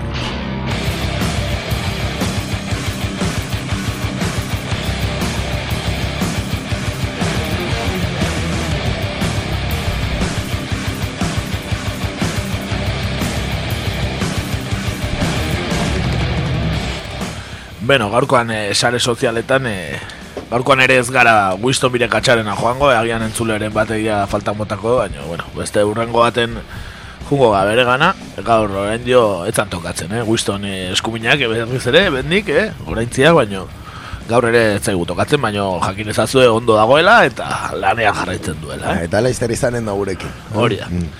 Bueno, gaurkoan e, Eusko Autonomia Erkidegoko alderdi popularari buruz egingo dugu, eh? Espaldiko partez. E, ba, Eusko Jaurlaritzak dekretu bat e, a, e, ba, Eusko Jaurlaritzan e, dekretu bat egin dute eta harren aurka agertu da eta kanpaina bat egiten ari da, ez? Esan daiteke alderdi popularra. Eta horri buruz egingo dugu. E, dekretuaren arabera, ba, udaletxe bakoitzak askatasuna izango du herritarrekin zein hizkuntzatan komunikatu erabakitzeko, bai gaztelaniaz edo euskeraz, eta hori ba ez zaie gehiagi gustatu alderdi popularrekoei dirudienez. Eta esan bezala, ba, Eusko Jarularitzak dekre, dekretu bat hartu du, e, non tokiko erakundei almena ematen diera bere barne harremenetan eta harreman publikoetan Euskararen eta gaztelaniaren erabilia nola arautu behar duen erabakitzeko.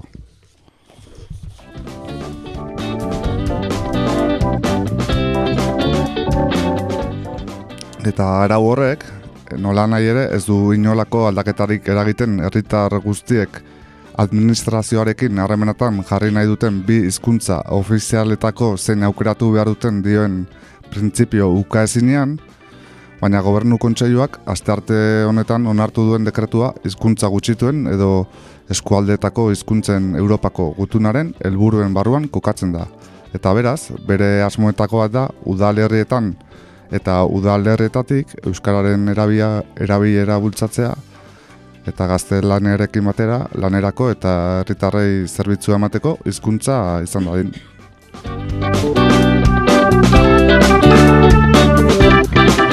Bueno, hor kolatu zaigu aste arte honetan, baina ez e, azaroan izan zen, e, dekretu hau ez, eta, eta bueno, alderdi populararitze emate guztau, ez dirudi oso dekretu erradikala danik egia esan, eh? baina, bueno, ba, badirudi ja e, udalak aukeratu izatea herritarrei ze hizkuntzatan e, komunikatu, ba, etzaiola gustatu aldarri popularari. Eh? Zerbait egatik izango da. Kuriosoa da, gero, jabili duten e, traola edo hitza e, honi kantxa emateko izan da libertad linguistika. bueno, benetan kuriosoa. E, esan lehenengo eta bain, e, ba, aldarri popularrak EAJ eta PSren aurka ba, egiteko erabili duela batez ere, eta batez ere gazteizen, ez, kokatu duela kontu guztia, hau ez detela uste gazteiz danik e, herritarrei euskeraz bakarrik egingo dien udala ez dela gazteizko izango, ez zait iruditzen, baina, bueno. Ez, ez, prebizioa behintzat ez dirudi, ez?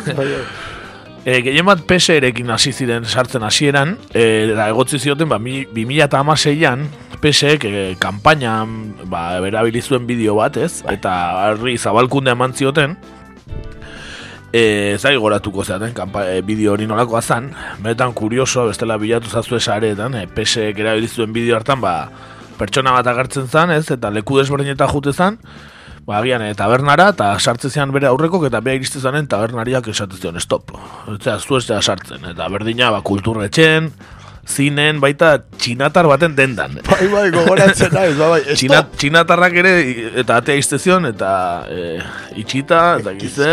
Bueno, bueno. E, eta elizan ere, bai, apaizak. Stop! elizan ere, ez zion usten sartzen. Eta ondoren, ba, idoia mendiak onako hau esate zuen. Es cierto, esto de no dejarte entrar por no saber euskera no pasa en ningún sitio de Euskadi. En ninguno, salvo en uno. La administración. Una situación injusta que nos comprometemos a eliminar, porque creemos que la igualdad de oportunidades también debe ser algo muy vasco.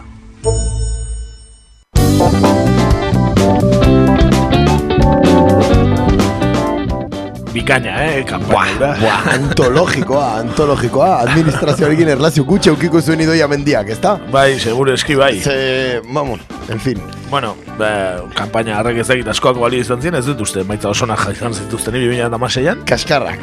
Baina, bueno, e, horri heldu zioten, dirudien ez. E, bueno, en, eskerrak egon martazizkio, alderdi popularrari bideo bikaina horreskatatu izanagatik, eh, ni ja nintzen gogoratzen. Eta gero ba bideo hori erreskatatzetik hasi ziren eta gero bai komunikabidetan eta bai e, beraien sare sozialetan ba kritikatzen hasi ziren eta gehien kritikatu duenetakoa ba Gasteizko Alderdi Popularreko zinegotzia izan zen e, bere sa- sare sozialetan eta ba Letizia Comeron, ezta? Eta entzun dezagun ba nola esate zion e, EAJari eta gobernuari. La mayoría de los vitorianos utilizan el castellano como lengua habitual. Por eso en la calle no se entiende que ahora el ayuntamiento pretenda dirigirse a ellos solamente en euskera. El decreto aprobado por el PNV y apoyado por el Partido Socialista es un grave ataque a las libertades de los vitorianos. Por eso le exijo a Hurtaran que si realmente gobierna para todos, no solo no aplique ese decreto en Vitoria, sino que exija al gobierno vasco a que dé marcha atrás y que retire el decreto. La libertad individual es fundamental. El euskera nos debe unir, debe sumar, pero nunca dividirnos ni enfrentarnos.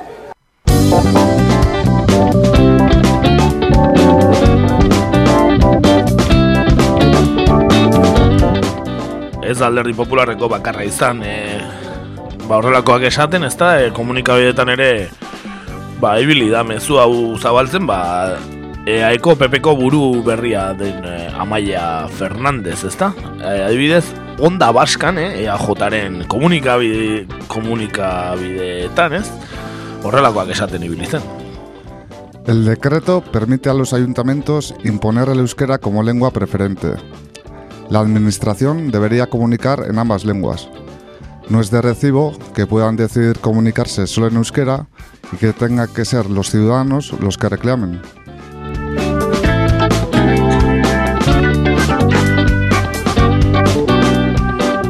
Beraz, e, udaletxe batek eragitzen badu, adibidez, e, ezagit, arabarra herrioxan, edo, gaztelaniaz bakarrikan e, e, zuzentzea herritarrei, ez zaio gehiagin portako, ez? Ezagit, e, alderdi popular asko kejatuko litzateken, naiz eta hemen dioen bi hizkuntzatan egin beharko luketela, baina, noski, alderantziz euskeraz bakarrik egitea eragitzen badu udaletxe batek, seguruenik, ba, euneko euna edo ia euna euskalduna den herri batean izango dela, Eta hala ere, harritzen dit bakarrik euskaraz egingo badute. bai, bai, bai. Ba, eskerrak ala ere Bilbon eta Bilbon jaio zala eta ez Gironan, ez da? Bai, bai. Beragatik esaten dut, eh? Bai, bai, bai, baina, bueno, hemen eh, badirudi euskera lehen estea kristoren drama dala Euskal Herrian, ezta? Bai, bai.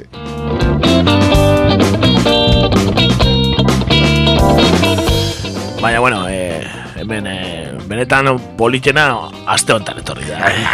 Eta, eh, hau, bueno, eguneroko jokuko kontua dira alderdi popularraren baina, bueno, ja inbertsio bat egin dute eta ba, bideo bikain batzuk sortu dituzte gai hau salatzeko, ez da?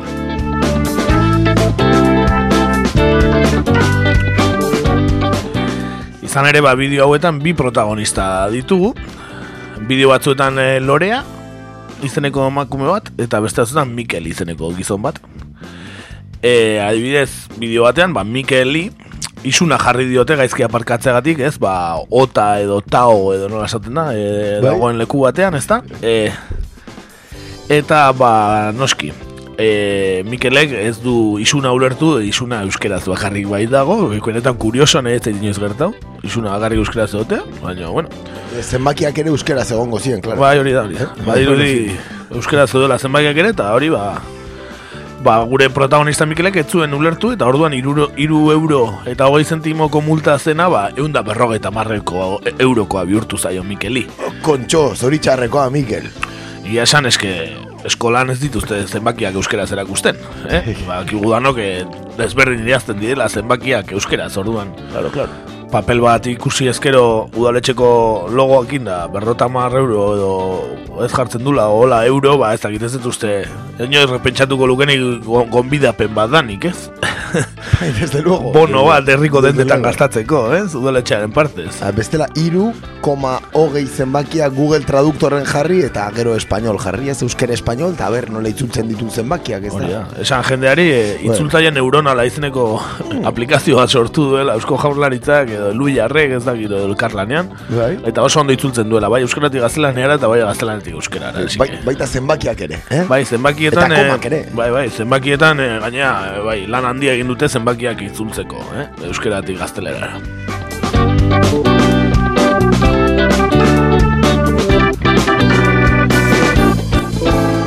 Beste bideo batean Lorea eh, da protagonista eta Loreak ez du ulertzen ba, lan publiko baterako baldintzak zein diren euskeraz ez dakielako, ez? Eta ondorioz ba ezin da lehiaketa publiko batera aurkeztu, ez? Ba udaletxeak eh, ateratzen da lehiaketa publiko batera, ba euskeraz bakarrik daudelako ba pleguak eta bar, ez? E, benetan eh, egunero gertatzen den gauza bat hau ere. E, udaletxe guztiek euskeraz bakarrik ateratzen dituzte lehiaketa publikoko pleguak, ez da? Gaixoa, Lorea. Bai, oso gaixo. Baina gaixotasun arraro bateko baina gaixoa. Fastismoa deitzen zaiona.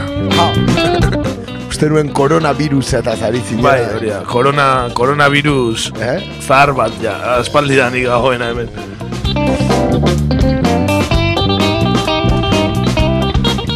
Eta oraingoz eh, zabaldu den azkenekoan, zatik agian eh, kanpaina hau luzerako joango eta agian gehiago izango dituzte eh, komunikazio, alderdi popularreko komunikazio ardura duen bikainek, ez da? Ale izan dadia, gure SS-etako Bai, sekzio parorako. Gure gatik bai mesedez.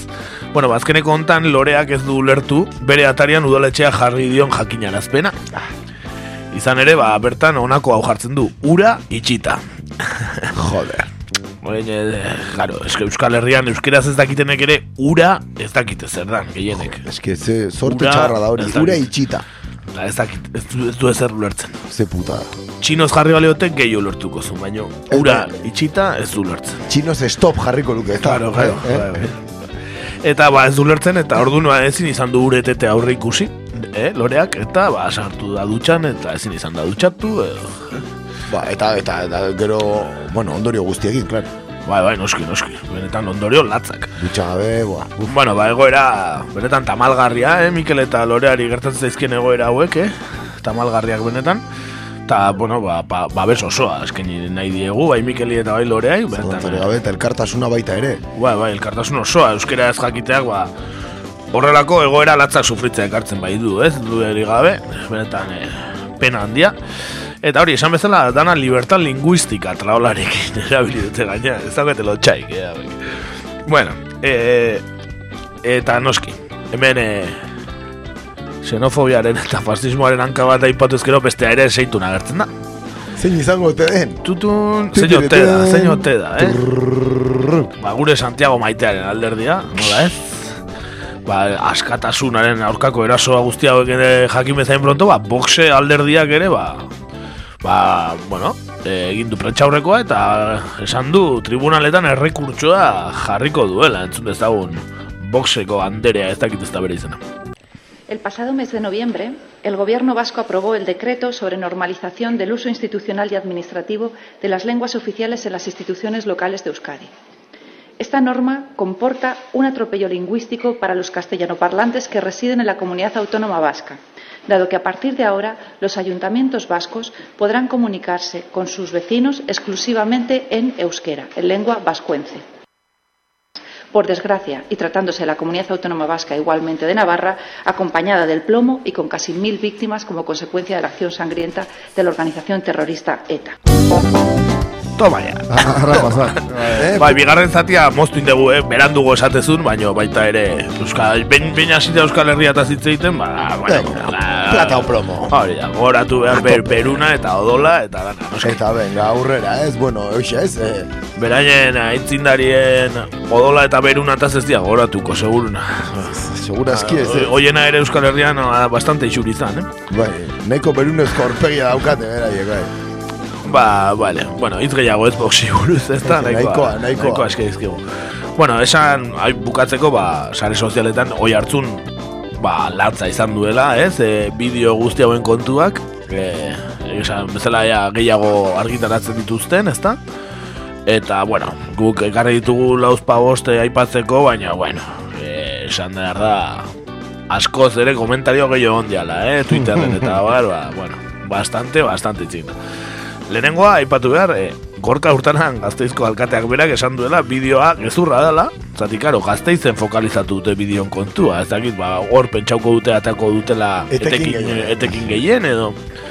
Eta ba hori, esan du gorka urtanen gazteizko bolak bi hizkuntza ofizialak erabiltzen dituela bere abisoa jakinarazteko eta horrela jarraituko duela, ez? Beraz, bueno, Toma dekreto. Horrela, xe, esaldi batean, jada, alderdi popularren kanpaina guztia eroritzen da, baina, bueno. e, beste batzuk ez dira, hain, e, zuzenak, politikak zuzenak izan, ez? E, erre harriak, e, ba, goratuko duzu, e, kartzelan egontzala, ez? E, Twitter batzuen gatik, eta bar, ez da? Bai, tuiteatzagatik espetxan igalu zuen denboraldi bat, bai. Hor segitzen du Twitterren tope, errearriak eta esan zuen, el euskera se cobra otra víctima más. En este caso Iñaki. A Iñaki, bueno, Mikel zan usted, eh, baina, bueno. Iñaki per- le mola, o Iñaki la máquina de la OTA le marcó la hora, pero estaba en euskera. Y por eso tardó más. Luego la cuantía de la multa tampoco la entendió porque los números estaban en euskera. Iñaki se ha arruinado pero sigue sin saber euskera. Joder. Eh? Arruinaba, baina euskeraz de kasiko, hori seguro. Pero esaten du, menos mal que todos los padres y madres no son como los padres de Iñaki. Iñaki perfectamente podría haber sido matriculado en modelo D y aprender euskera y castellano perfectamente. Pero claro, como eran españoles y muchos españoles, pues no. Y ahora, a pagar multas. Bueno, esto ematen pena que llegue ematen dionik errealia. oye, esto.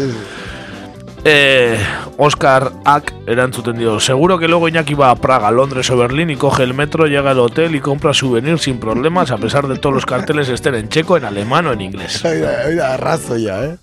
Baina, claro, gazteizen ota kontuak ez ditu ulertzen, eh? Bueno, eta bukatzeko un tal eduk eh, lorearen, eh, ba hori, ura iztearen kontua gogora ekarri du eta esan du lorea no tenía amigos, murió de sed sola en casa, hacía días que había dejado de beberse su propia orina. Trágica ironía del destino, el corte de agua terminó una hora después de su muerte. La encontraron en medio de un charco de agua con todos los grifos de casa abiertos. Betan, horrela se bukatu beharko luke alderdi populararen bideoak, ez da? Hori da, eh? Alderdi populararen kanpaina, baina Quentin Tarantino kekoitzita. Ba, nik uste hobe eh? dutela un taledu hau fitxatu eh, bideoak egiteko, eh? Orain eh, fitxatu dituztena baino, da? Latza, eh? Ona, ona, oso, oso, ona, bikaina. Bueno, ba hori xe karri nahi genuena, aspaldiko parte sekzio klasiko xamarra, ez? Aspaldi ez genuela hola egiten tuitak eta irakurriz. Baina oso ona, eh? Oso ona, gaurkoan ere joku desente eman digu, ez da? Eta guk ere pentsatu dugu, ba, Twittea, Twitterren, ba, galdera honi buruz egitea, ezta? Ba bai, ba bai, eta gure galdera da, aste hontan, e, zer gehiagotaz ez dira enteratuko Pepeko Mikel eta Lorea, Euskaraz ez jakiteagatik? Bueno, lau aukera jarri ditugu beti bezala, eh? zuek aukeratu. Lehenengoan, bueno, ba, Garoñako zentralean, balizko leherketa nuklear batetaz, akaso? Eh, agian erreaktoreak fallo bat dauka, eta, claro, ez dira komunikazio euskeraz egingo du, eh, eh, Arabako diputazioak eta Eusko Jaurlaritza euskeraz bakarrik esango du Garoñan lerketa nuklear bat egon dala. Claro, eta hauek enteratuko ziren, claro, ba, irugarren besoa ateratzeakoan, claro. Hori da, hori da. Duda- Dudari gabe, behiak egan ikusitakoan. Hori da, ez? Hori, bueno, iso gure lehenengo aukera. E, bigarrena, e, Senperrek EAJ-arekin fitxatu duela, agian ez dute jakingo, ez? Borja orain erretiratu dela, igual, ez? Ba, bueno, PNV fitxatzen du, eta, claro, nola, euskeraz jartzen duen. Eta orduan ba- Balizko prentzaurrekoa euskera utxean egingo zuen. Borja Senperrek noski, eta orduan eh, bozkatuko lukete, bakarrik argazkiei begiratuta, orduan EAJ-ari bozkatuko liekete, ez, Senperren aurpegia ikusita. Claro, eta euskerak, ba, demokraziaren matxura bat, ez? Albidetuko luke, Hori horrela, da? hori da, hori da, demokraziaren aurkakoa da Euskara. Claro. Gabe. Demokraziak Irabazi du. Hori da. Zeren eta... Hoxe bera, bueno, hori gure bigarren aukera. Hirugarrena koronavirusaren edapena, honetaz desente dakite Mikel eta Loreak, dirudienez, ez? Bai. Koronavirusaren inguruan, ez da? Hori da, ba, Euskal Herria iristen bada koronavirusa ez dira enteratuko. Ez, ez dira enteratuko, eta ba hoxe, Bai, ba, bai, osakidetzak esan dago neurriak, eta guzti hortaz ez dira enteratuko, eta kaletik alai alai ibiliko die, ba, hoxe, ez, kutsatu arte, ez? Bai, bai.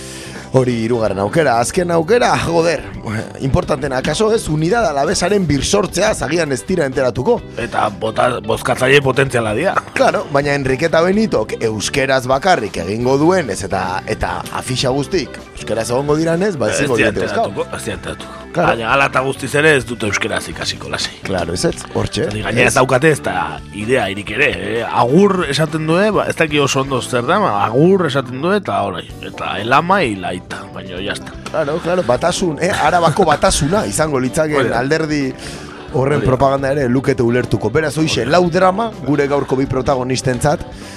Hori da, hori da. Bidaliko dugu eta hortxe bidalita, ea, zen, zein irutzen zaizuen zuei drama handiena, gerta daikiena, eh, alderdi popularreko bozkatzaile hauei, ez da? Hori da, malko artean ere bozkatzen baduzue, bozkatu mesedez. Hori da, hori da. Ba, hoxe, gaurko ereukan guztia.